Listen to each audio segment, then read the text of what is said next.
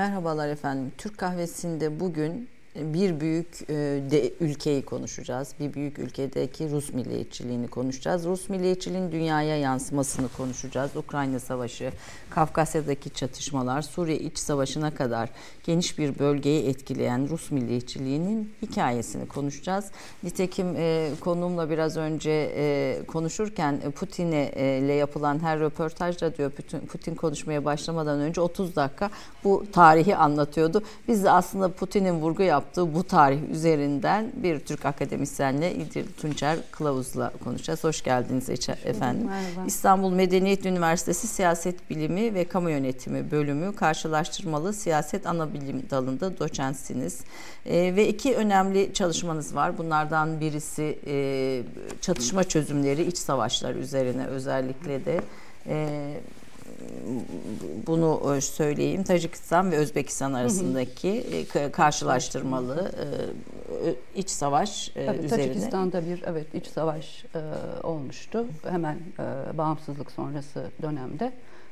Onu çalıştım ve Özbekistan'la Tacikistan karşılaştırması yapan bir çalışma. İşte niçin bir Tacikistan'da iç savaş gördük ama Özbekistan'da olmadı ana sorusu Bu kitabın Türkçesi çevrilmedi galiba hayır, hocam. Hayır, ben sizin e, yani konuşmalarınızdan yer yer bununla ilgili not almazsa bu da ilginç ve önemli bir konu. Evet. Yani niye bir ülke iç savaşla çözümü sorunu çözüyor, bir başka ülkede iç savaş olmuyor konusunda. Evet, karşılaştırmalı bir çalışma ama evet hani Türkçeye çevrilmedi. Evet, çevrilir diye umut ediyoruz İnşallah, uluslararası. Evet. Bu, bugün e, İdil Tunçer Kılavuz'un konuk olması bu kitap Rusya milliyetçi Rus milliyetçiliği üzerine olan bir kitap. Ben son derece aydınlatıcı ve aslında e, bizim için de bir kılavuz niteliğinde gördüm. E, Alev Alatlı hocamla biz Rusya üzerine pek çok programda konuştuk. E, tekrar rahmetle anıyorum. O sürekli her programda şeyi söylerdi. Rus düşünür Fyodor Tuyutchev'in bir sözünü. Rusya anlaşılamaz, hesaba kitaba gelmez. Kendisine has bir kimliği vardır. Rusya'ya sadece iman edilir diye evet. bir şair, evet. bir Rus şairin evet. sözünü 19. yüzyılda. Hatta İlber Ortaylı Hoca ile yaptığımız bir programda da o da Rusya'yı anlamak için mutlaka hani buradan e, yola çıkın evet. demişti. Tabii çok büyük bir coğrafya. Öyle. Yani müthiş bir şey. E, 180'e yakın e, halk, etnik halk evet. var. 20 Hı-hı. dil var. Hı. Yani bir aslında Rusya'yı anlamak için ve tabii e, iklimin en soğuğu orada, dağın en tabii, yükseği evet. orada, Sibirya, en uzun evet. nehirler orada. Evet. Hani bir tarafında güneş batıyor, bir tarafından tabii, doğuyor. Evet. Hani Hı-hı. bir, bir bu kadar geniş e, ve şey bir coğrafya, zor, çetin de bir coğrafya bir evet. taraftan Balçık vesaire e, bütün işte Stalin'in e, Moskova metrosunu yapmak için e, o, o süreçlerde yaşadığı şeyleri hikayeleştirip a, anlattıklarında yani aslında e, Balçık'ın içinden bütün bir Rusya inşa ediliyor. Bir kalkınma iddiası, bir bilim insanların ortaya evet. çıkışı hı hı. E, ve dünyanın iki büyük süper gücünden biri haline geliyor ve sonra Sovyetler Birliği dağılıyor ve bugünkü Rusya ortaya evet. çıkıyor. Hı hı. Hani bütün bunların içinde e, büyük bir hikaye var. Biz evet. bu hikayeyi hı hı. anlamak için aslında biraz sizinle geriye gidelim. Hı hı. Rusya neden önemli diye soralım. Rusya'yı anlamak neden önemli diye soralım ve neden siz Rus milliyetçiliği üzerine çalıştınız diyelim. Oradan e, evet. e, bir e, Putin'in yaptığı gibi geçmiş tarihten başlayarak evet. bugüne gelelim. Hı hı. Evet, sizin de dediğiniz gibi çok uzun e, bir e, tarih ve e, çok büyük bir e, coğrafya tabii hani Çarlık döneminde de e, öyle. Daha sonra e, Çarlık e, topraklarının tamamen e, neredeyse e, içerisine alan Sovyetler Birliği ile e, devam ediyor. Sovyetler Birliği zaten kimilerine göre o da bir imparatorluktu. Çok büyük bir coğrafya.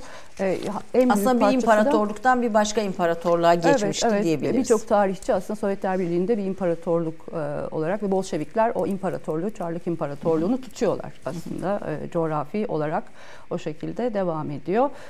Rusya'da bu hani Sovyetler Birliği içerisindeki coğrafya olarak en büyük e, cumhuriyetti e, zaten. Şimdi hala e, coğrafya olarak e, çok büyük ve e, ben de e, niye çalışmaya başladım? Tabii hani ben uluslararası ilişkiler okudum. Siyaset bilimi, uluslararası ilişkiler e, okudum ve e, hani hep uluslararası ilişkiler okurken iki kutuplu bir e, dünya e, dönemindeydik biliyorsunuz. Soğuk Savaş Şimdi, Amerika Rusya arasındaki yaklaşık bir 50 e, 50 yıldan fazla sürdü Tabii evet yani tamamen işte 2. Dünya Savaşı'ndan -hı. sonra 91'de Sovyetler Birliği dağılana kadar devam eden bir dönem Soğuk Savaş.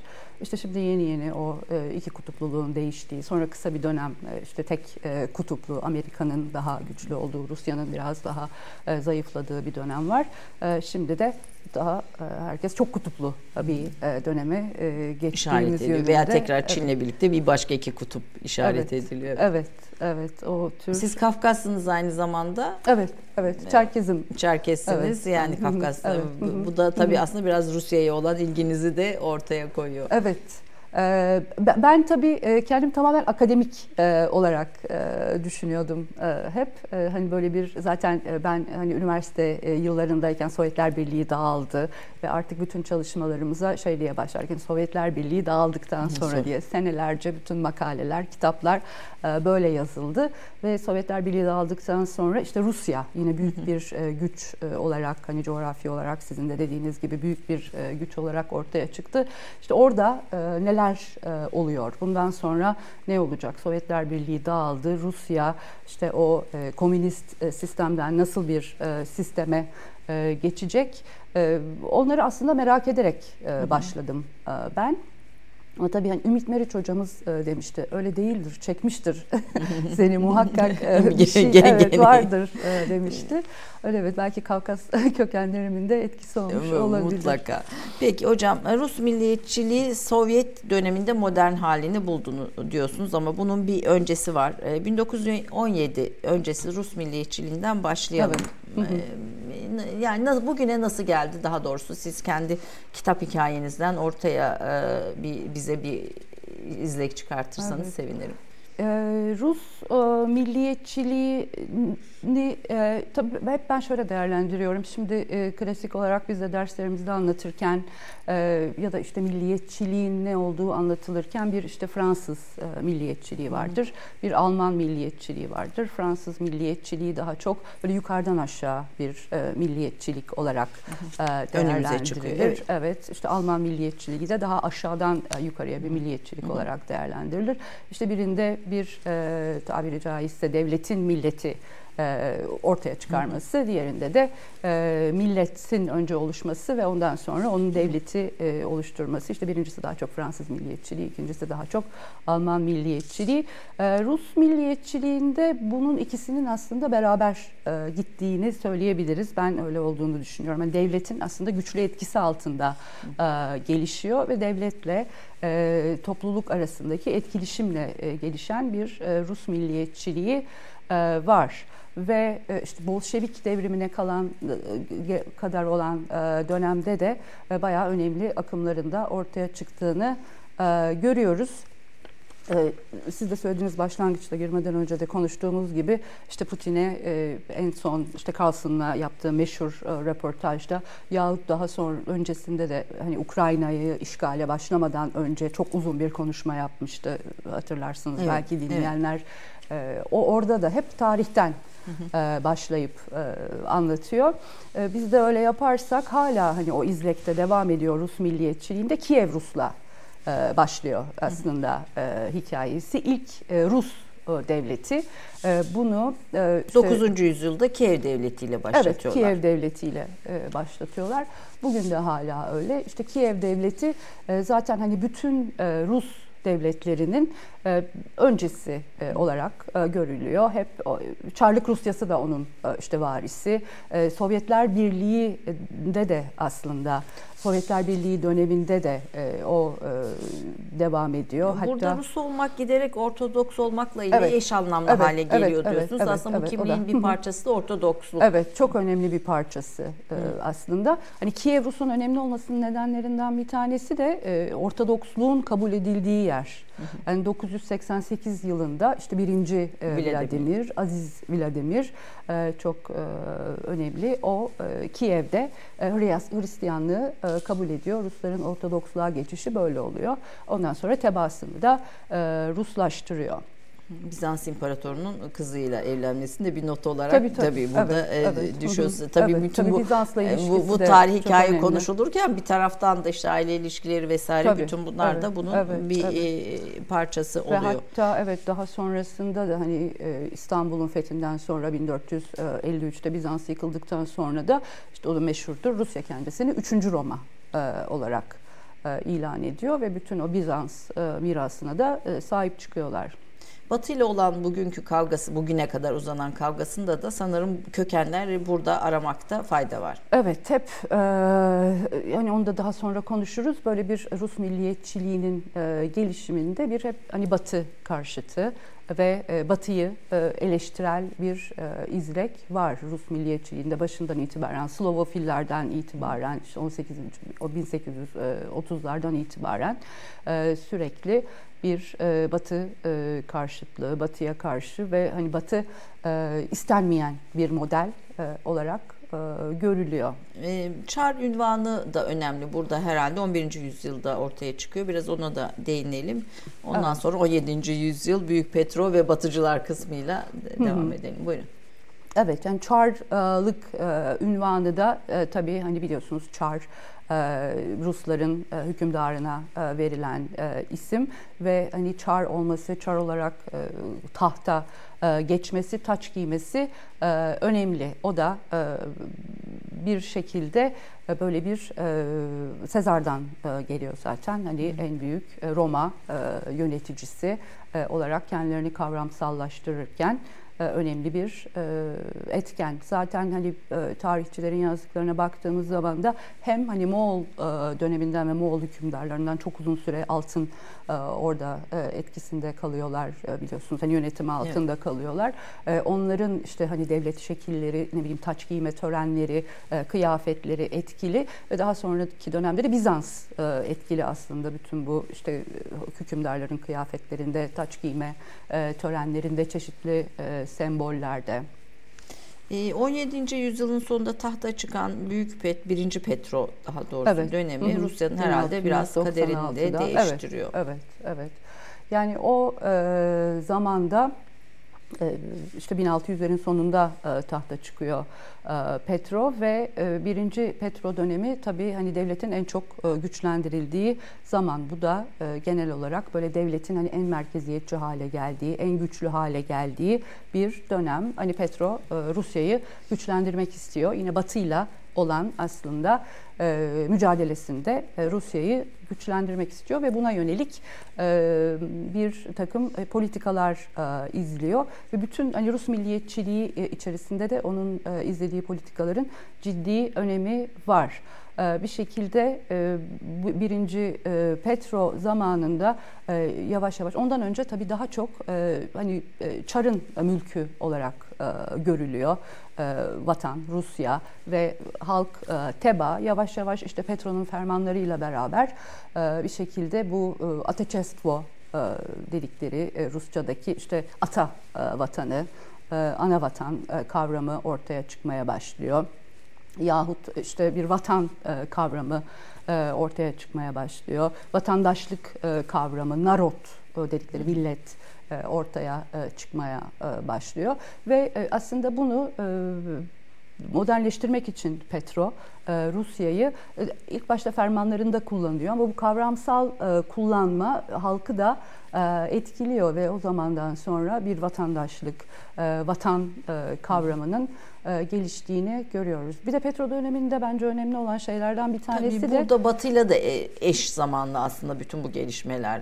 Evet, aynı et... zamanda Batı'da da. Evet, evet. Bu, yani Batı, bu akımların evet. olduğu yani hani evet. kralın Hı-hı. mülkünden çıkıyor Batı'da da topraklar evet, falan. Batı'daki evet, normal aydınlanma çağının normal evet. akışının Hı-hı. burada da etkilerini görüyoruz. Evet. Açılan okullar önemli. Bir de ondan bahsetmek lazım herhalde. İlk defa birinci e, Petro döneminde seküler okulların açıldığını görüyoruz. Oraya oraya ilk defa işte aristokrat olmayan, soylu kökenden gelmeyen e, gençler de e, gitmeye başlıyorlar. Eğitim almak, işte hani nüfus sahibi olmak, bir yerlere gelmek için e, daha önceki dönem gibi sadece hani soylu e, olmak değil, işte böyle liyakatli, düzgün, eğitim almış bir Rus vatandaşı olmak önemli hale gelmeye başlıyor. Aslında bu hani nüfus sahibi olmak için onların da sahiplendiği bir şey ve işte Lomonosov gibi isimler, e, Fedorovin gibi isimler, daha sonra hani Rus milliyetçiliğinin, Rus dilinin gelişiminde etkili olacak isimler de o dönemde o okullardan çıkıyorlar e,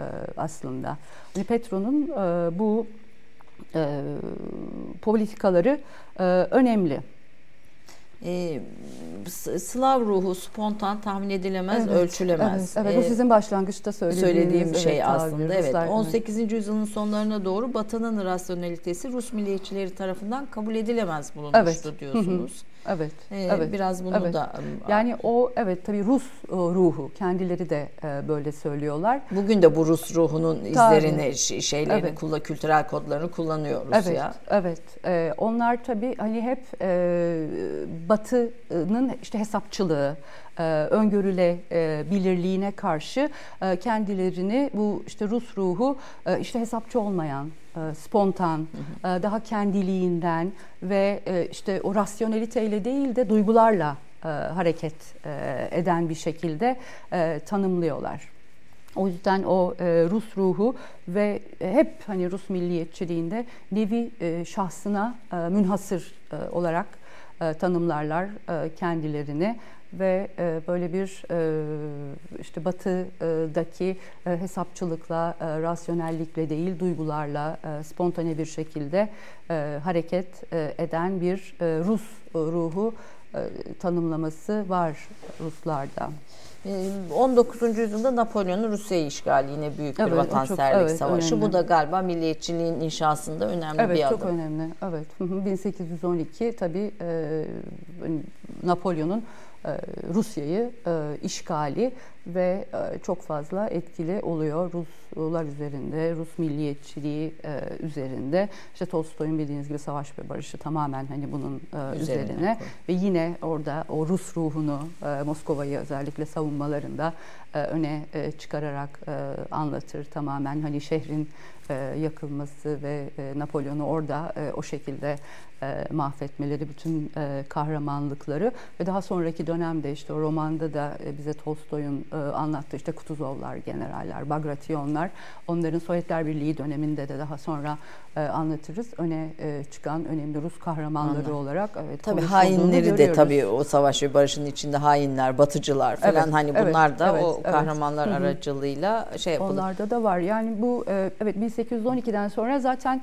e, bir şekilde Fransızlara karşı bir e, hoşnutsuzlukla e, karşı e, çıkmakla devam e, eden bir Rus milliyetçiliği var. Daha öncesinde biliyorsunuz Rus romanlarında da e, çok fazla vardır. Hani soylular, aristokratlar, bir Fransız özentisi, Fransızca çok fazla konuşurlar ve Rus milliyetçiliğinde birazdan da konuşuruz. Bu işte halkın işte medeniyet tarafından kirletilmemiş, saf ve temiz kalmış halkın saflığı hep e, yüceltilir.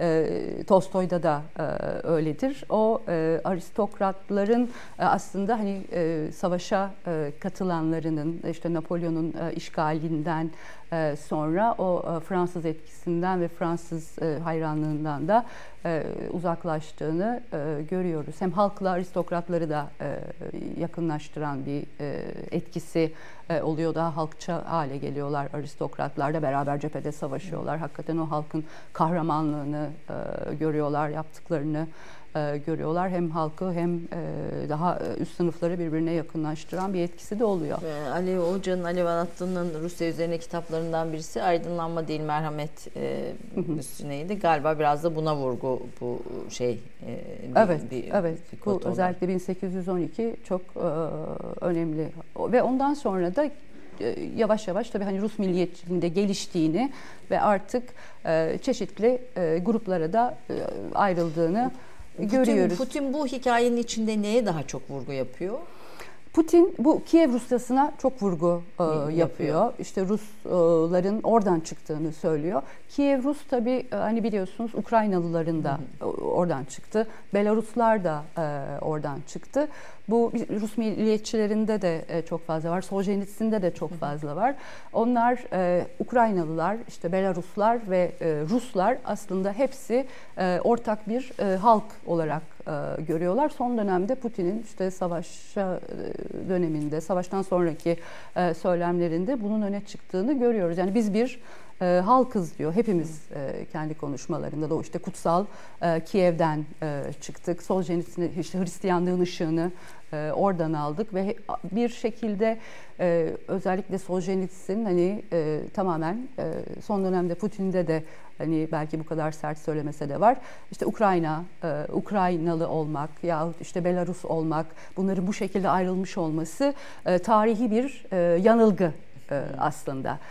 İşte Ukraynalılar küçük e, Ruslar, e, Belaruslar beyaz e, Ruslar. Ruslar, büyük Ruslar da e, işte bildiğimiz Moskova. evet Ruslar ve bunların kökeni e, aynıydı ve e, Bolşevikleri e, suçluyorlar, Lenin'i e, suçluyorlar, e, Rus milliyetçileri de e, bu şekilde bir e, ayrım yapıldığı için buradan e, başlayıp e, anlatıyor. Putin'de e, konuşmalarında. Yani temel yani vurgusu evet. bu bu bir evet, birlik. Evet. Yani eski hem, kökleri birleştirmek üstünden bir vurgu evet, yapıyor. Yani bir Ukraynalı e, hani bir e, ayrı bir e, ulus e, olarak Ukraynalı diye bir şey e, yok aslında ve Ukrayna diye de e, bir ülke yok. Onu da artık hani son dönemde e, söylüyorlar. Bu Rus milliyetçilerinde de vardı. Sovyetler Birliği döneminde de e, vardı. Şimdi Putin'in söylemlerinde de e, ortaya çıkıyor. Hem hani Ukrayna bir millet, ulus olarak öyle bir ulus yok ve hem de Ukrayna'da aslında yapay bir e, ülke, ülke, yapay olarak yine Bolşevikler tarafından, Lenin tarafından Tarihi kaynaklar bu, bunu doğruluyor mu peki sizin çalışmalarınızda gördüğünüz? Rus tarihçilerinde bu şekilde yazanlar var ama tabii ki hani e, Ukraynalılar e, bu şekilde e, Başka okumuyorlar. Evet yani tarihçilerin e, onların görüşüne tamamen Şimdi reklam arasına geldik hocam. Hı-hı. Rus milliyetçiliğin üç kökeninden söz ediyorsunuz. Dekabristler, Aralıkçılar e, 1825'te, Slovofiller, Panislavistler. Evet. E, bunları ikinci yarıda devam edelim ama ondan sonra 20. yüzyıl başlarına aslında Sovyetlerde ne oldu, e, Sovyet Rusya'da ne oldu? E, milliyetçilik orada nasıl e, işte internasyonel bir e, sosyalizm idealinin içinde hı hı. milliyetçilik nasıl evet. yeşerdi veya kamufle edildi diyelim. Ondan sonra Sovyetlerin yıkılışı döneminde biraz konuşalım. Sonra da Putin dönemini tekrar Putin'in dünyaya verdiği mesajlara dönelim tamam. istiyorum. Kısa bir reklam arasından sonra Rus milliyetçiliğinin de aslında Rusya'yı konuşmaya devam edeceğiz. İkinci yarısındayız. Biliyorsunuz Türk kahvesinde amacımız böyle haberlerin e, gözünde veya haberlerin e, başlıklarının altında yatan geri kalan e, daha incelikli, daha detay, daha o olaylara sebep olan konuları ele almak, bu konuları uzman akademisyenler, çalışanlarla birlikte konuşmak. O yüzden bugün de Rus milliyetçiliğini konuşuyoruz ama aslında bugünü konuşuyoruz. Çünkü bugün de ortaya çıkan birçok fikrin kökenleri buradan geliyor. E, Rus milliyetçiliğinin önemli bir tarafı bir defa komşularımız ve bizim Orta Asya ile bağlantımız noktasında da çok önemli. Rusya, Rusya'yı anlamak. Her ne kadar anlaşılaması zor bir ülke olduğuna dair şeyler olsa da Rusya'yı bir şekilde anlamak ve bize de benzeyen tarafları çok Rusya'nın. Bugün işte Kaf Dağı masallarını e, anlattığımız evet. yer Rusya'dır. İşte mantığı mesela bir ortak şeyimizdir, kültürümüzdür. Bize benzeyen, e, bizim e, e, ortak kültür Tabii, e, evet. ve hı hı. ortak ruhumuz olan yerleri de var. E, ve var. diğer taraftan da tarihin içinde hep e, savaşlarımız rekabet olmuş, var. rekabet evet. olmuş. E, Rusya'yı Osmanlı İmparatorluğu savaşa e, zorlayan faktörlerden birisi. Mesela Panislavistler yani bir başka milliyetçilik akımı Rusya'yı Osmanlı ile savaşa zorluyor. Onun öncesinde de yine savaştığımız, e, yer yer ittifak evet. ettiğimiz evet. E, ve evet. aslında bir şekilde e, her zaman da dikkatli olmamız gereken bir evet. şeyden, bir ülkeden evet. söz ediyoruz. Evet. O yüzden bunu derinlikleriyle anlamaya çalışmanın çok önemli bir çaba olduğunu düşünüyorum hocam. Ee, şimdi milliyetçilik akımlarının aslında etkisi e, Rusya'nın bugün Ukrayna'yı ve Kırım'ı ilhakta yine aynı şekilde. Evet. E, onu da Tabii. biraz daha evet. anlamaya Hı-hı. ve bundan sonraki politikasını anlamaya da etki edecek diye düşünüyorum. Bu milliyetçi akımlar içinde en etkili olan hangisi? Neyi bilmek bugün bizim için daha önemli? Evet, Slavofiller e, herhalde bu milliyetçi akımlar içerisinde en etkili olan ee, dediğiniz gibi de e, daha sonraki dönemin milliyetçilikleri üzerinde de en etkili olan e, Slovofiller. Nedir Slovofiller? Ee, Slovofiller bunlar 1830'larda e, aslında ortaya çıkan daha çok da böyle felsefi olarak ilk başta sizin dediğiniz gibi hani daha sonra panslavistlere hmm. daha siyasal bir ideolojiye evrilmeden önce böyle muhafazakar bir aydın grubu. Onlar da e, bir e, aynı şekilde bir batılılaşma e, eleştirisi yapıyorlar. Evet, felsefi olarak ve Hristiyanlık başta da bahsettiğimiz gibi hani Rus milliyetçiliğinin çok önemli bir unsuru Ortodoks Hristiyanlığı. Onların da o Hristiyan döneme ve hatta hani Petro öncesi geleneklerine Hristiyanlığına bir işte nostalji hisleri var. O e, ve Doğu Hristiyanlığını, Batı Hristiyanlığı karşısında da e, yüceltiyorlar. Onlar e, diyorlar ki Doğu Hristiyanlığı gerçek Hristiyanlık. Bu işte geçmişteki Roma etkisinden Ruslar da etkilenmemiştir. Doğu Hristiyanlığı etkilenmemiştir. O yüzden Doğu Hristiyanlığı gerçek Hristiyanlık da diyorlar ve yine Batı rasyonelliğinin eleştirisi, o devam edecek olan Batı bireyciliğinin eleştirisi Slavofillerde de e, devam e, ediyor. Daha sonra devam edecek öne çıkardıkları noktalardan e, bir tanesi de bu köy ve e, köylünün e, durumu.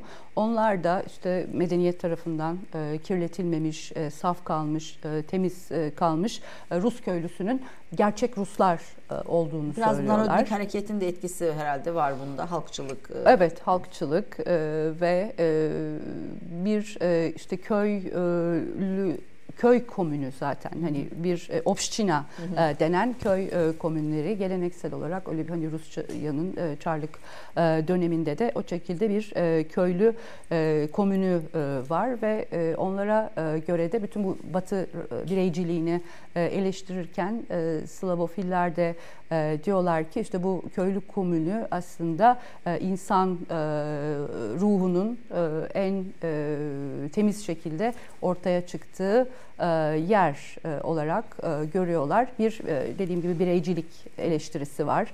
İşte toplumdan e, Daha kopmak, bir, evet bir, halktan bir bakış. evet e, kopmak.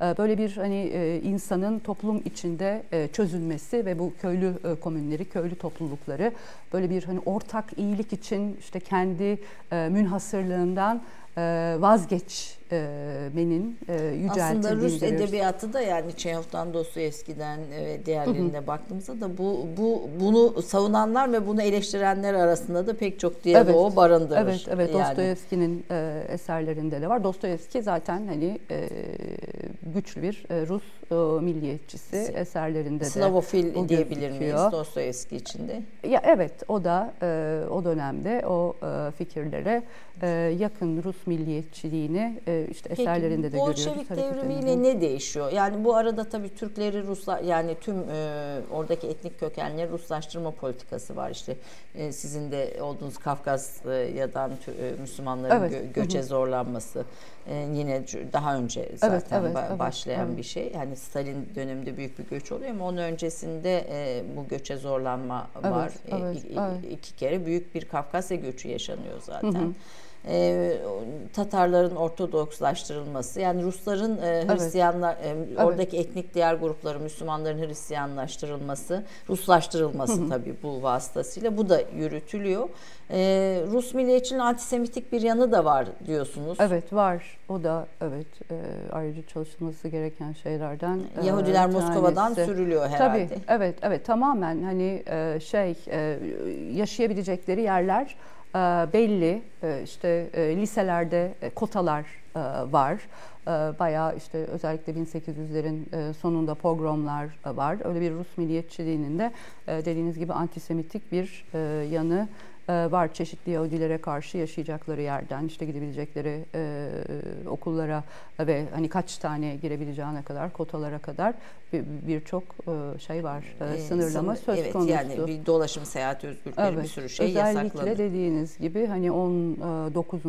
yüzyılın ortasından itibaren daha bir aslında hani imparatorluğun resmi milliyetçiliğinin de e, arttığını e, görüyoruz. 1800'lerde 1800'lerin ortasından sonra mesela işte Slavofillerden bahsettik. Daha sonraki dönemde özellikle işte Kırım e, Savaşı'nın etkisiyle oradaki mağlubiyetten sonra bir işte bütün bu Slavofillerin bir kısmının daha siyasal e, bir alana e, kaydığını e, görüyoruz. İşte Doğu Slavlarına karşı bir ilgi başlıyor ve bütün işte Slavların onlar e, baktığınız zaman işte Rus kartalının kanatları aslında altında evet. aslında e, birleştirilmesi e, gerektiğini e, söylüyorlar ve e, bir Ruslaştırma aslında e, politikası, politikası gidiyor. Bugün de Putin aslında Rus kartalını kullanıyor. Yani bunda bir sembolik e, şey olarak kullanıyor. Ee, Sovyetler Birliği ve Bolşeviklik meselesiyle devam edelim. Burada Rus milliyetçiliğinin dönüşümü nasıl oldu? Evet. Yani ilk başta e, tabii e, hani milliyetçilik bitiyor biliyorsunuz e, şeyle beraber evet Bolşevik'le beraber internasyonalizm e, ortaya çıkıyor. Artık hani milliyetçi değil imparatorluğun son dönemlerdeki e, gibi zaten otokrasi e, hani bitiyor ve e, bu arada da bir sürü halk büyük acılar yaşıyor yani o tabii, sürecin tabii, çok içinde. Fazla, evet, bütün, evet halklar için. Ee, ve Ortodoksluk da aslında artık hani e, devletin önemli e, ayaklarından bir tanesi olmuyor tabii ki ateizme geçiliyor Bolşevizmde. Bolşevizmin şeyden sonra Sovyetler Birliği döneminde özellikle hani Lenin döneminde ve Stalin döneminin başlarında Rus milliyetçiliğine ciddi bir baskı olduğunu görüyoruz. İşte Rus milliyetçileri de sürülüyorlar e, yurt dışına giden çok fazla Rus milliyetçisi var. Onlar orada çalışmaya ve fikirler üretmeye devam ediyorlar. Daha sonraki dönemde onların ülke içerisinde de e, fikirlerinin etkili olduğunu görüyoruz e, zaten. Rus milliyetçileri, işte Lenin Rus şövenizmi diyor Rus milliyetçiliğine ve ona göre işte ülkenin Sovyetler Birliği'nin farklı cumhuriyetlerinin bir arada tutulmasının önündeki en büyük engel aslında hani bu Rus şövenizmi dediği şey ve onunla e, mücadele ediyor. Yine onun da meşhur bir e, sözü e, vardır. Hani bir şeyi komünistik kazırsan altından bir Rus şövenisti çıkar, çıkar gibi bir sözü de var. Yani Lenin döneminde bu tür baskılar söz konusu. Stalin döneminin başları da öyle. 30'ların ortasına kadar yine işte Rus milliyetçileri üzerinde baskı, şeyler kilise üzerinde baskı tabii ki. Ama bunun İkinci Dünya Savaşı'nın öncesinde işte özellikle 1934'te başlıyor. İkinci Dünya Savaşı ile beraber çok daha güçleniyor. Bu politikaların Stalin döneminde işte Stalin o büyük geri dönüşü denen e, şey e, öyle bir şey bir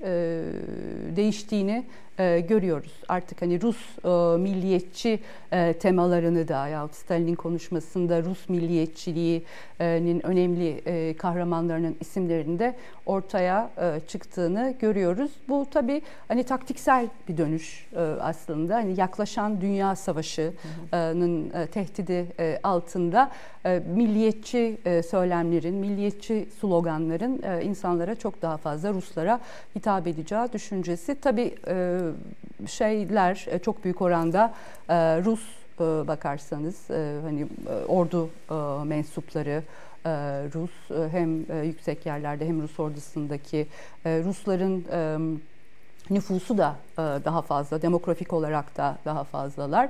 O yüzden böyle bir Rus kahramanlarına, Rus milliyetçilerine işte Dünya Savaşı'nın etkisiyle bir alan açıldığını görüyoruz. Ama şey de söylemek lazım, hiçbir zaman aslında bu milliyetçiliğin kontrolü de elden kaçırılmıyor, bırakılmıyor. Evet hani sürekli uyarılar var.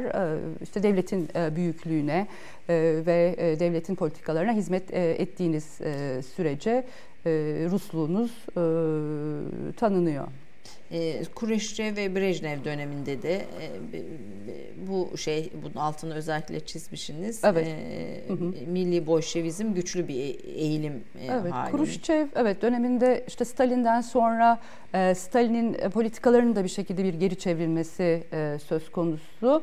Aslında Kuruşçev e, daha böyle gelenek karşıtı, işte din e, karşıtı, milliyetçilik e, karşıtı ama e, onun e, politikalarının da e, biraz baskı politikalarının daha sonraki dönemde Rus milliyetçiliğini daha da e, güçlendirdiğini söyleyebiliriz. Onun hani politikalarının etkisi aslında Brejnev e, döneminde güçlü bir şekilde ortaya çıkıyor. Brejnev döneminde daha alttan gelen bir e, milliyetçilik de var. Yani Stalin e, döneminde de daha önceki dönemde de şeyi söylemiştik bu Rus milliyetçileri e, sürgüne e, gönderildiği zaman Avrupa e, ülkelerinde çalışmaya yazmaya devam ediyorlar ve bugünkü mesela Avrasyacılığın e, kökeni e, Rus milliyetçiliğinin bir sürü e, kökenleri ve daha sonra işte yine Sovyetler Birliği'nde ortaya çıkacak milli bolşevizm türü bir milliyetçilik e, ortaya çıkıyor. çıkıyor. Burada Gorbaçov'dan Putin'e bir Rus milliyetçiliğinin gelişimi var. Biraz tabii Sovyetlerin dağılma dönemi Rus milliyetçiliğinde ortaya çıkışı.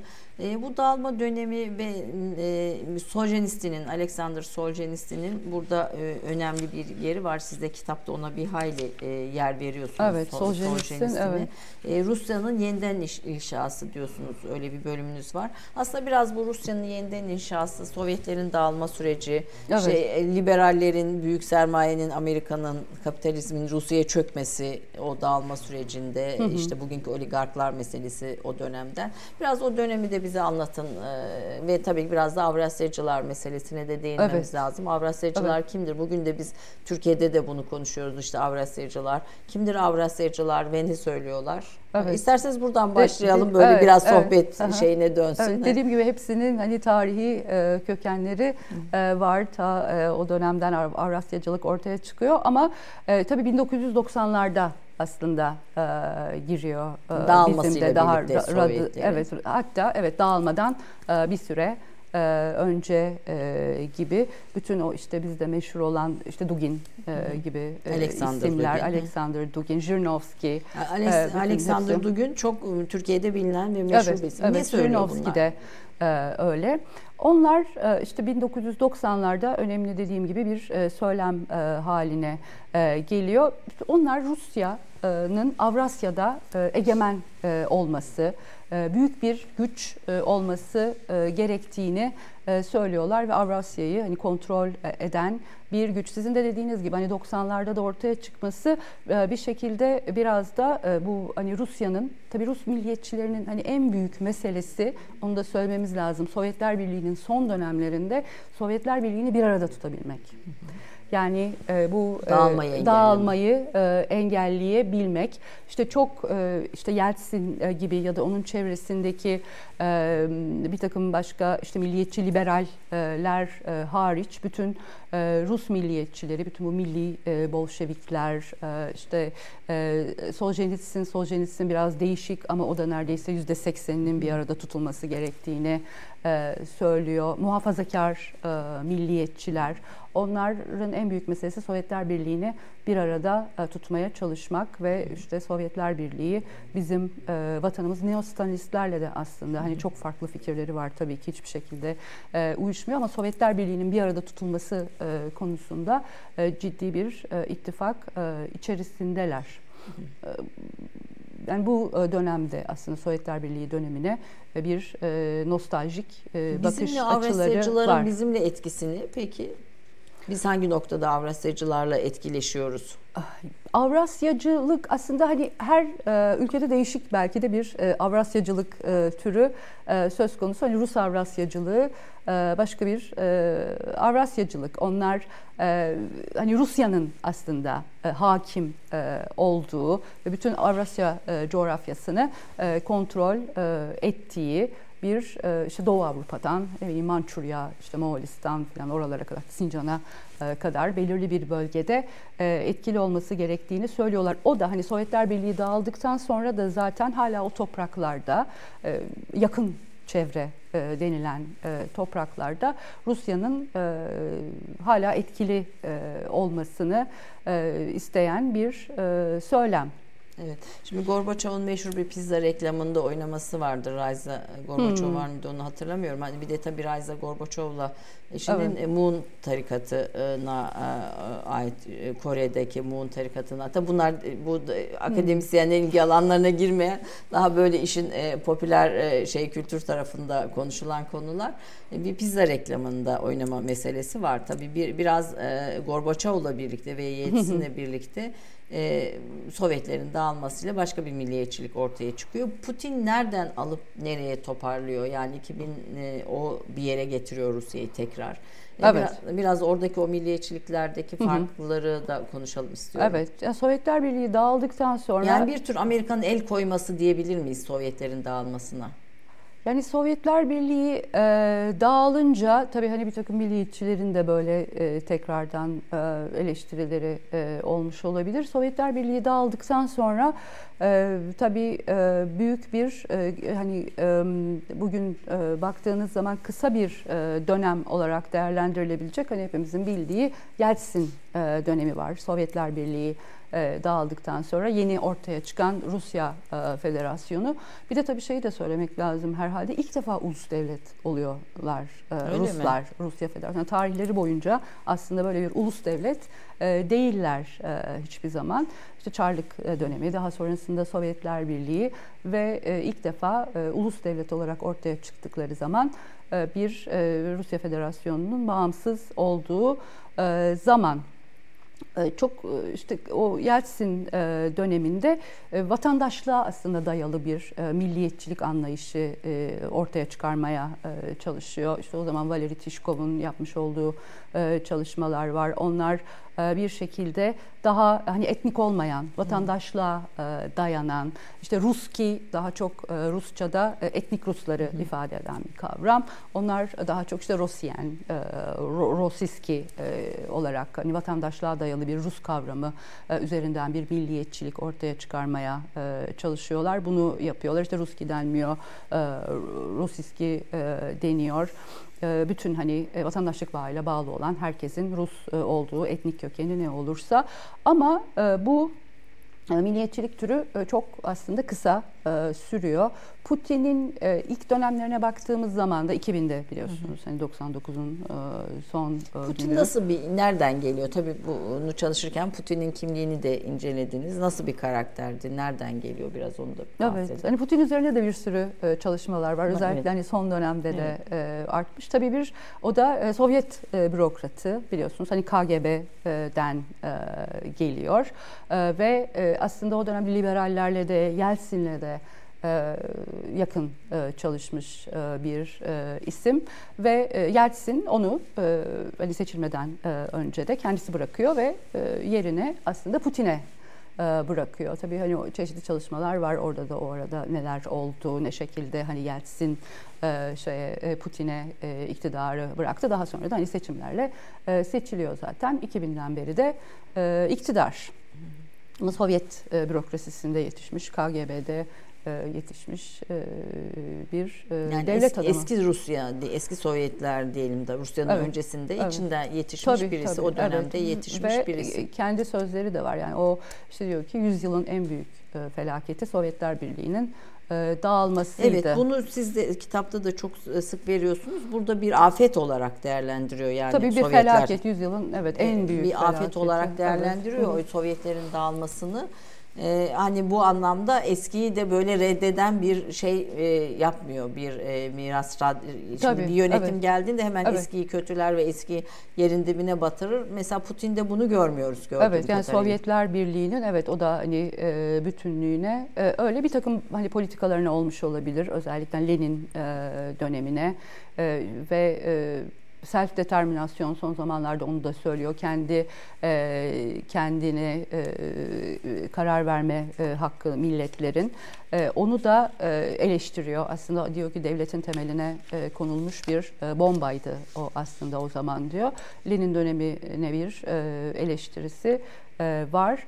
E, Stalin döneminde yok mesela. Stalin'de öyle. yok. Evet, Stalin'e yok. Hatta e, son dönemde bir Stalin nostaljisi de e, var çok fazla. Bu da aslında Rusya'nın son döneminde önemli gelişmelerden bir tanesi. İşte 2012'den beri falan her sene yapılıyor ve her sene hani Rus halkının da en çok işte değer verdiği, saygı duyduğu lider Stalin tekrardan bir Stalin nostaljisi ne kadar büyük bir lider olduğuna, işte güçlü bir Rusya yarattığına, güçlü bir devlet yarattığına e, yönelik algıda e, Rusya'da her geçen gün hani bugüne kadar e, yükselerek devam ediyor. tabii orada tabii yani bir, yan tarafta faşist bir şey yani otoriter, aşırı otoriter bir lider. Evet, Stalin. yani öyle evet hatırlanmıyor şimdi büyük bir lider Rusya'yı büyük e, devlet yapan ve hani o jenerasyon onu yaşamayanlar o, o dönemi gençler arasında da e, var. Hani popüler bir e, lider haline geliyor. Tekrardan e, Tabii heykelleri dikiliyor. Heyke, enteresan yani yeni evet. Rus milliyetçiliğinin kültürel kodlarında Stalin'in tekrar devreye girmesidir. Evet. Tabii bu yeni Rus milliyetçiliğini konuşurken Avrupa sağından da bağımsız değil. Çünkü Avrupa sağında, evet. Avrupa'da yükselen sağla aslında bir bağlantıları da var. Hatta bazen yani bazı makalelerde var. O sağın mimarlarından birisi olduğu Rusların yani yeni sağın Avrupa'daki yeni sağın e, destekçisi, olduğuna destekçisi olduğuna hatta bu fikirleri evet. işte sosyal medya hesaplar vesaire üzerinden yayılmasını, çoğalmasını veya bir takım evet. şeylere etki ettiği noktasına hani, makalelerde evet, var. Evet, çok şey. eskiden beri devam eden bir e, ilişki aslında. Hani Rus Avrasyacılığının ortaya çıkışında kimisi de işte o e, dönemdeki Fransız yeni sahanın e, ideolojisinden ciddi şekilde etkilendiklerini söylerler o zamandan beri devam yani hani eden. Aslında bu anlamda birbirleriyle bağlantılı bir şeyden de e, evet. sö- söz ediyoruz. E, bir reklam arası verelim. Tamam. Bir reklam arasından sonra buradayız. Efendim Türk kahvesinde 3. yarıdayız. Konumuz İdil Tunçer Kılavuz, Rus milliyetçiliği üzerine çalışan İstanbul Medeniyet Üniversitesi'nde kıymetli bir akademisyen.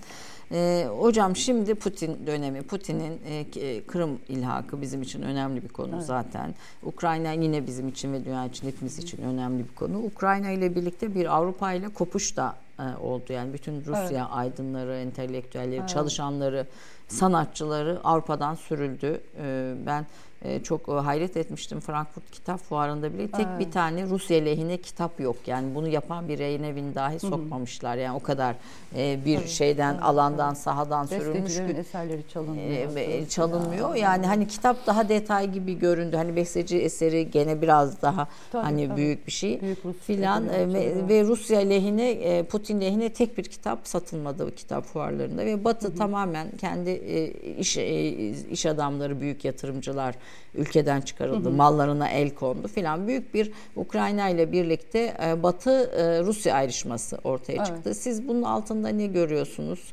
E, biraz Putin'in ortaya koyduğu Rusya vizyonu üzerinde konuşalım. Hı hı. Ve, ve tabii Kırım ilhakı bizim için çok önemli. Çünkü evet. Kırım hı hı. Türkleri bizim için çok hı hı. kıymetli. Hepimizin ataları, dedeleri, ailesinden mutlaka Kırım'dan gelen bir şey var. Ve yıllar, yüzyıllarca göç yaşamış, sürülmüş evet. Ruslar tarafından hı hı. bir ulus Kırım Türkleri ve çok bizim önemli, için evet. ayrıca çok önemli. Çok Cengiz Dağcı'nın e, onlar da insandı e, şeyi en iyi anlatan bu sürgünü e, kitaplardan birisidir. Hani biraz bu şey e, Kırım ilhakı ardından Ukrayna savaşı Avrupa'nın Avrupa ile keskin ayrışması Batı ile karşıtlığı yani hem bir taraftan batılama bir taraftan da değil. Aslında ak- evet. bir, bir akraba aynı ırk benzer ırklar diyelim daha doğrusu birbirinin içine geçmiş. Daha sonra sonraki süreçte de Suriye'ye olan müdahalesi ve Rusya'nın vizyonu belki vakit kalırsa Çin'le olan ilişkisine de değinmenizi isterim. Buyurun. Evet. Ben evet. kesmeden siz e, a, a, aktarın. Hı hı. Şimdi evet Putin 2000'de dedik iktidara geldi.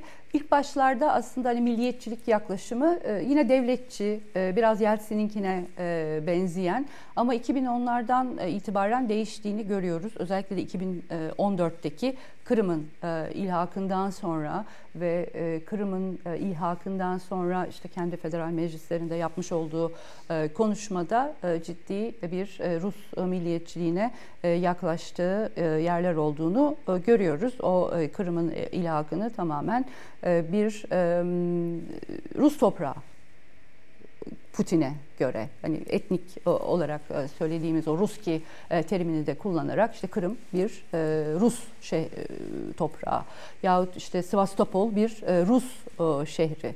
İşte bizim atalarımızın kanlarıyla sulayarak aldıkları işte Rus generallerinin aldıkları topraklar ve tamamen Ruslara ait bir yer olarak görüyor 2014'te Kırım'ı bu, bu arada Osmanlı zaman. İmparatorluğu'nun en büyük borçlanması ve Osmanlı'nın tabii biraz da batışa giden süreçteki ekonomik çöküşte dahil olmak üzere askeri şey. ee, yine dönem Rusların Kırım e, Kırım Savaşı ile başlar. Evet, evet, yani evet. E, ikinci Mahmut döneminde Kırım Savaşı ile başlar. Hani bu aslında Kırım bizim için bu anlamda tarihi kökleri evet. itibariyle de çok önemli. Evet. Yani 2014'te e, daha sonraki şeyde 2015'te Suriye müdahalesi uluslararası olarak da daha hareketlenilmeye e, müdahalelere başladığı bir e, dönem aslında. Ama hani Kırım'da o kadar sesi çıkmadı Avrupa'nın Ukrayna'da olduğu kadar bir şekilde 2. Dünya Savaşı'ndan sonra hakikaten ilk toprak genişlemesi dendi uluslararası olarak Kırım'ın ilhak edilmesi ve böyle bir hani Rus milliyetçisi konuşmayla e, ilhakını gerçekleştirdi e, Putin ve e, 1954'te e, biliyorsunuz hani Ukrayna'ya veriliyor e, zamanında e, Kırım. Bunun da tamamen e, tarihi bir e, yanlış e, ve hatalı bir şekilde aslında Ukrayna'ya verildiğini her zaman e, Kırım'ın e, Rus olduğunu e, söyledi. Şimdi işte vatana tekrar e, geri dönmesinden çok e, memnun olunduğunu e, söyledi. Bütün e, Rus milliyetçilerinin de aslında Rusların da e, çok fazla desteklediği bir şey oldu. Kırım'ın ilhakı hani Putin'in destek oranlarının birdenbire yüzde 86'ya falan çıktığını gördük. Daha önce Putin'i eleştiren Rus milliyetçileri de Rus liberalleri de Putin'i alkışladılar Kırım'ın ilhakıyla birlikte. Evet. evet. Ee, sonra Ukrayna geldi. Ukrayna'da Hı-hı. bir keskin ayrışma var. Evet. Yani, yani Ukrayna Rusya ne yapmak istiyor? Daha doğrusu biraz bunun üstünden gidelim. Evet, yani bir e, şekilde tabii bu e, bahsettiğimiz e, eski e, Sovyet e, topraklarının e, tekrardan e, kontrol altına e, alınması, işte yakın eğer kontrol altına alınmıyorsa da aslında hani e, bahsedildiği zaman e, başka e, konuşmalarda da e, görüyoruz işte Putin'in e, yapmış olduğu. Belki bir Belarus örneği gibi bir örnek e, haline gelebilirse e, Ukrayna. O nedir? İşte Lukashenko'nun e, yönetimindeki daha hani Rusya yanlısı politikalar e, izleyen öyle ayrı bir e, kimlik mesela Ukrayna'da e, Ukrayna e, kimliği daha Ukraynalılığı Ukrayna dilini öne çıkaran bir kimlik politikası varken Belarus'ta daha e, Doğu e, Slavlıklarının ortaklıklarına yönelik bir takım politikalar var. Ve yakın çevresinde kalıp hani Rusya ile de uyumlu politikalar e, devam etseydi e, böyle bir e, müdahale e, olmayacaktı. E, tabii hani e, Batı ile yakınlaşma, NATO'ya e, üye olmaya çalışma, onlar da Rusya'dan bir tehdit e, gördükleri için. E, bu tür şeyler daha sonra Ukrayna'nın kendi içerisinde işte ki olaylarda Rusya yanlısı e, liderlerin kaybedip daha hani Ukrayna milliyetçisi liderlerin e, etkili e, olması, daha batı yanlısı e, olanların da e, etkili e, olması Rusya'nın e, harekete geçmesinde e, etkili oldu. E, tabii bir e, Güneydoğu e, Ukrayna'nın da e, Rus e, olduğunu ve yine hani e, yapay bir şekilde dediğimiz gibi oluşturulduğunu e, Rus e, toprakları hatta Lenin zamanında e, talan edilerek e, diyor. Hani Rusya soyulmuştur diyor Putin de. E, Ukrayna'ya e, verildiğini bugün işte bizim de savaş yüzünden herkesin öğrendiği Luhansk, Donetsk gibi yerler ve Novo böyle bir şey yeni Rusya Novorossiya dedikleri yerler.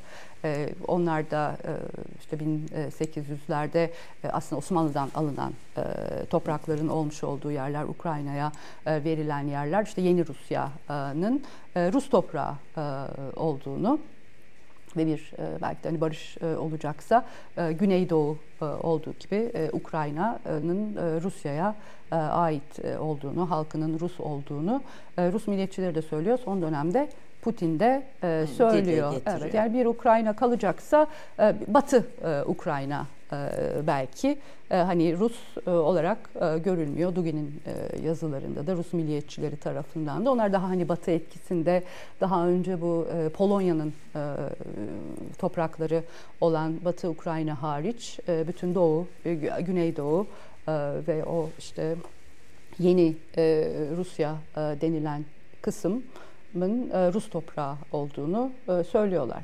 Şimdi 15 e, ülke tabii Sovyetler dağıldıktan evet. sonra ortaya. Aslında Putin'in çabası bu 15 ülkeyi yeniden böyle bir Rusya 15 ülkede Rusya hakimiyetini e, güçlendirmek diyebilir miyiz? Ya evet etkisini. etkisini. Zaten hani evet şeye bakıldığı zaman bu işte güvenlik doktrinlerinde de en sonuncusunda da öyle bir yakın çevre olarak e, görülüyor. O ülkeler öyle bir kavramsallaştırması var. Yakın çevre deniyor e, eski Sovyetler Birliği Bunlar ülkelerine. Bunlar için Rusya'nın etkisinden uzaklaşan kaç ülke Baltık var? Baltık ülkeleri hariç herhalde. Yani onlar da yani bütün bu e, e, şeylerde de e, hani Rus e, milliyetçilerinde de evet yani onlar da o kadar e, şey e, yakın e, Aslında gördükleri Karadeniz'de şeyler değil. Üç Baltık. belki biraz daha do- doğru bir şey söylemiş olur muyuz Karadeniz'de hakimiyeti kurmak diye?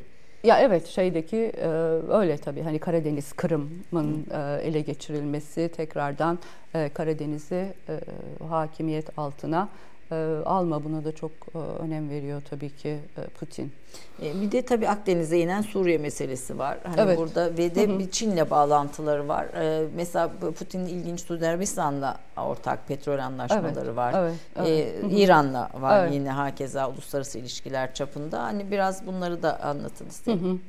Yani evet Suriye e, müdahalesi de o zaman 2015'teydi aslında. O da hani Putin'in beklenmeyen hareketlerinden bir tanesi olmuştu. Tabii hani Suriye e, Sovyetler e, Birliği döneminde de e, hani Rusya'nın e, Sovyetler Birliği'nin önemli müttefiklerinden e, bir Suriye tanesiydi. Ve Irak özellikle. E, ve evet yani o orada da Akdeniz'e e, inme. Zaten Sovyetler Birliği döneminde de hani Suriye'de askeri e, üssü e, vardı ve e, hani o dönemde bir e, Suriye'de de iç savaş e, çıkınca işte Esad Esad zaten hani Putin'in e, destekleyenlerden bir tanesi Suriye'yi de e, bırakmamak aslında e, amacıyla o Akdeniz'deki askeri e, gücünü e, korumak amacıyla 2015'te bir müdahale gerçekleşti ve ondan beridir de devam ediyor Rusya'nın etkisi ve hani rejim Esad üzerindeki etkisi de o şekilde devam ediyor Akdeniz öyle. Son dönemde de evet hani sizin dediğiniz gibi Çin'le bir yakınlaşma söz konusu. Rusya hani dış, dış politikasında aslında hani birçok e, aktörle Türkiye de e, ilişkilerimiz e, iyi aslında e, böyle bir e, ikili ilişkiler çerçevesinde bütün bu ülkelerle e, ilişkilerini e, geliştirme e, yönünde politikaları var. Yani buradaki yaklaşım da biraz düşünce e, ilaki bir stratejiyle bunlar ortaya çıkıyor.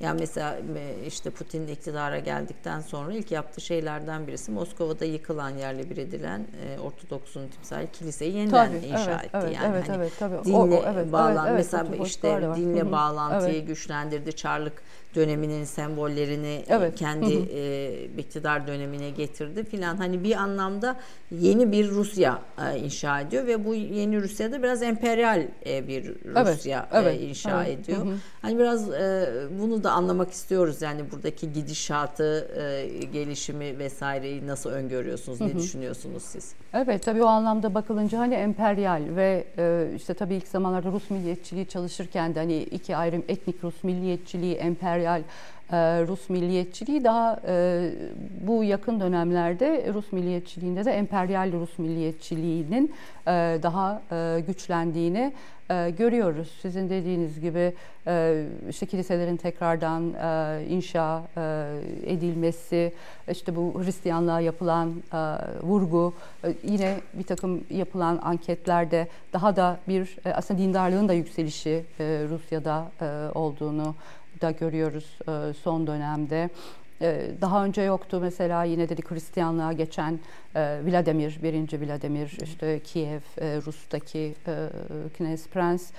Onun mesela Kremlin yakınına devasa bir 2016'da Kırım'ın ilhakından iki yıl sonra çok büyük bir heykelini yaptılar. Daha önce yoktu mesela Aziz Vladimir heykeli.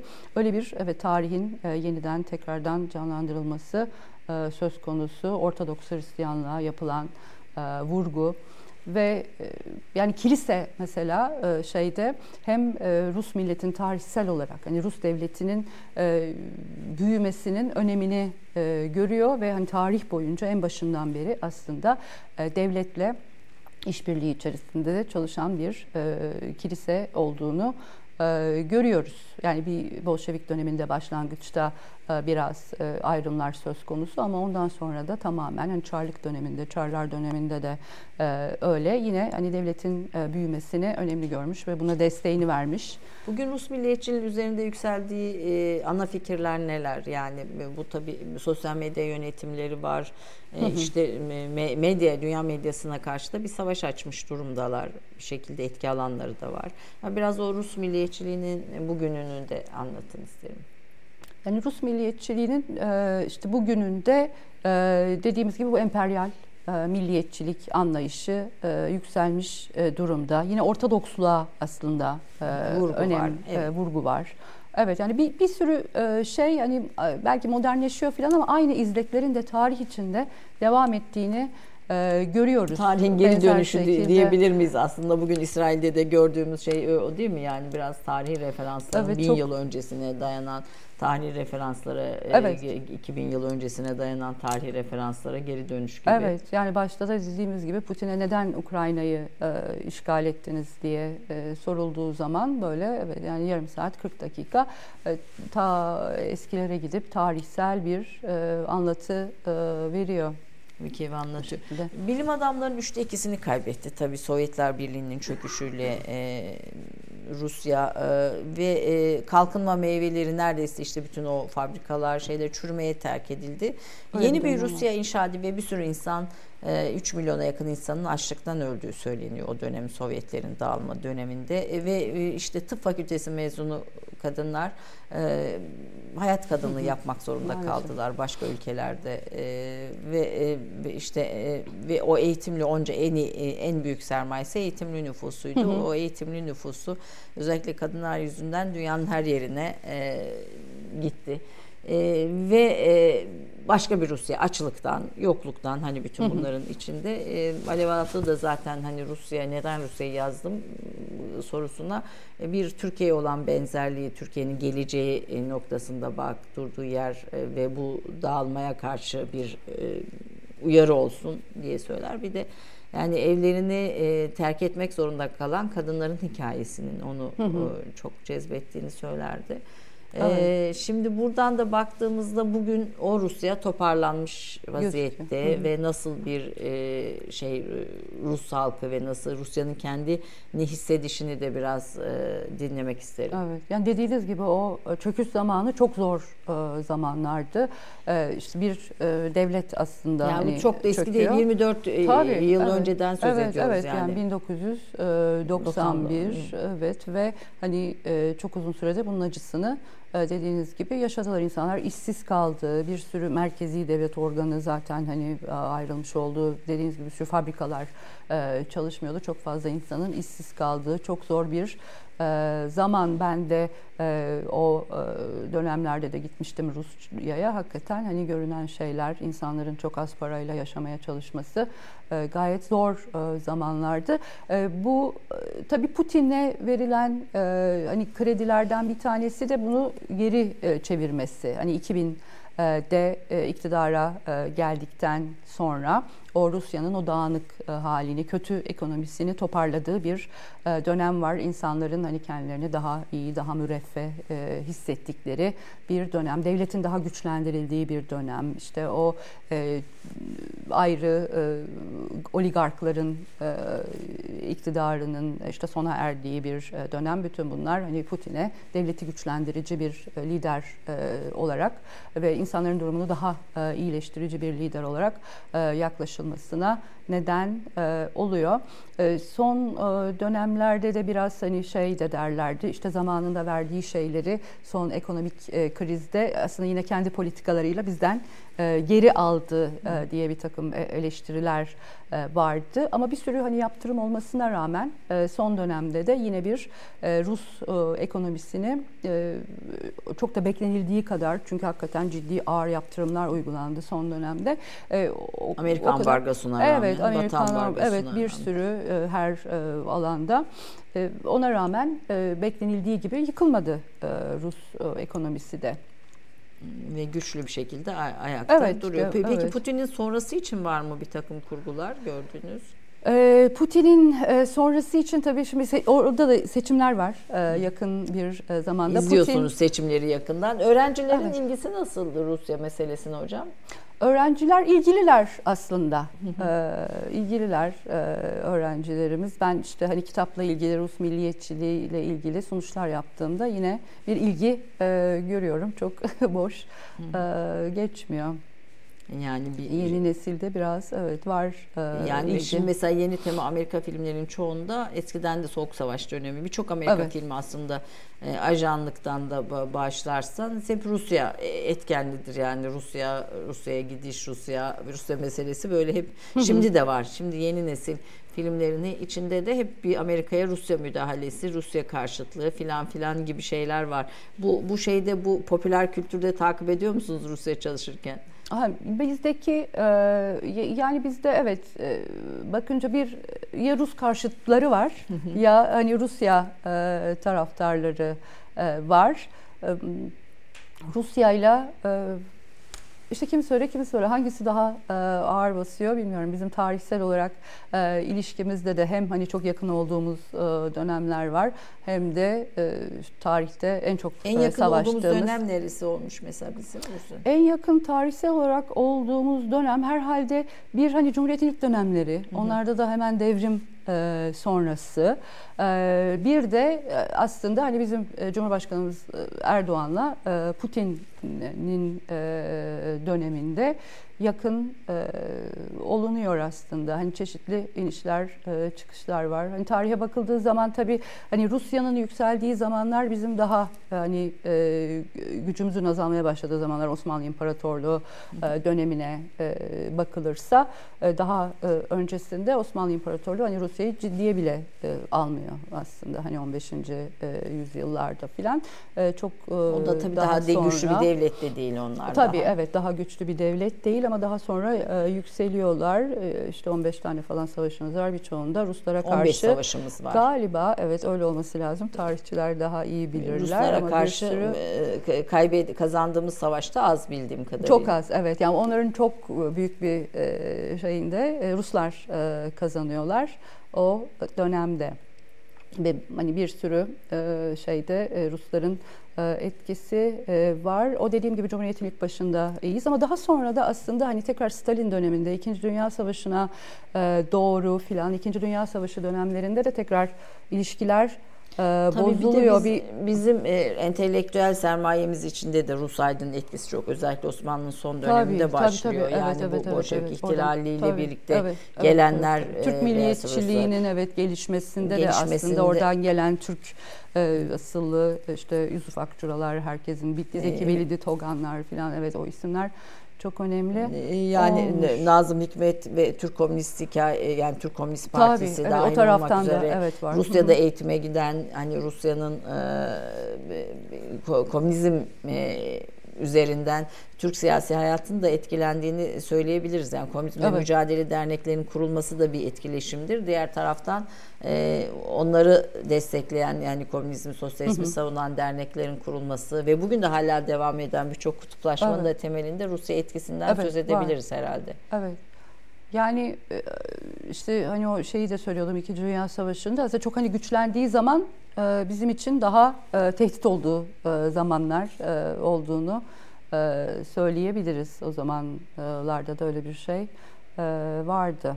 Peki son olarak hocam ne söylemek istersiniz Rusya üzerine diyeyim. Ben böyle evet.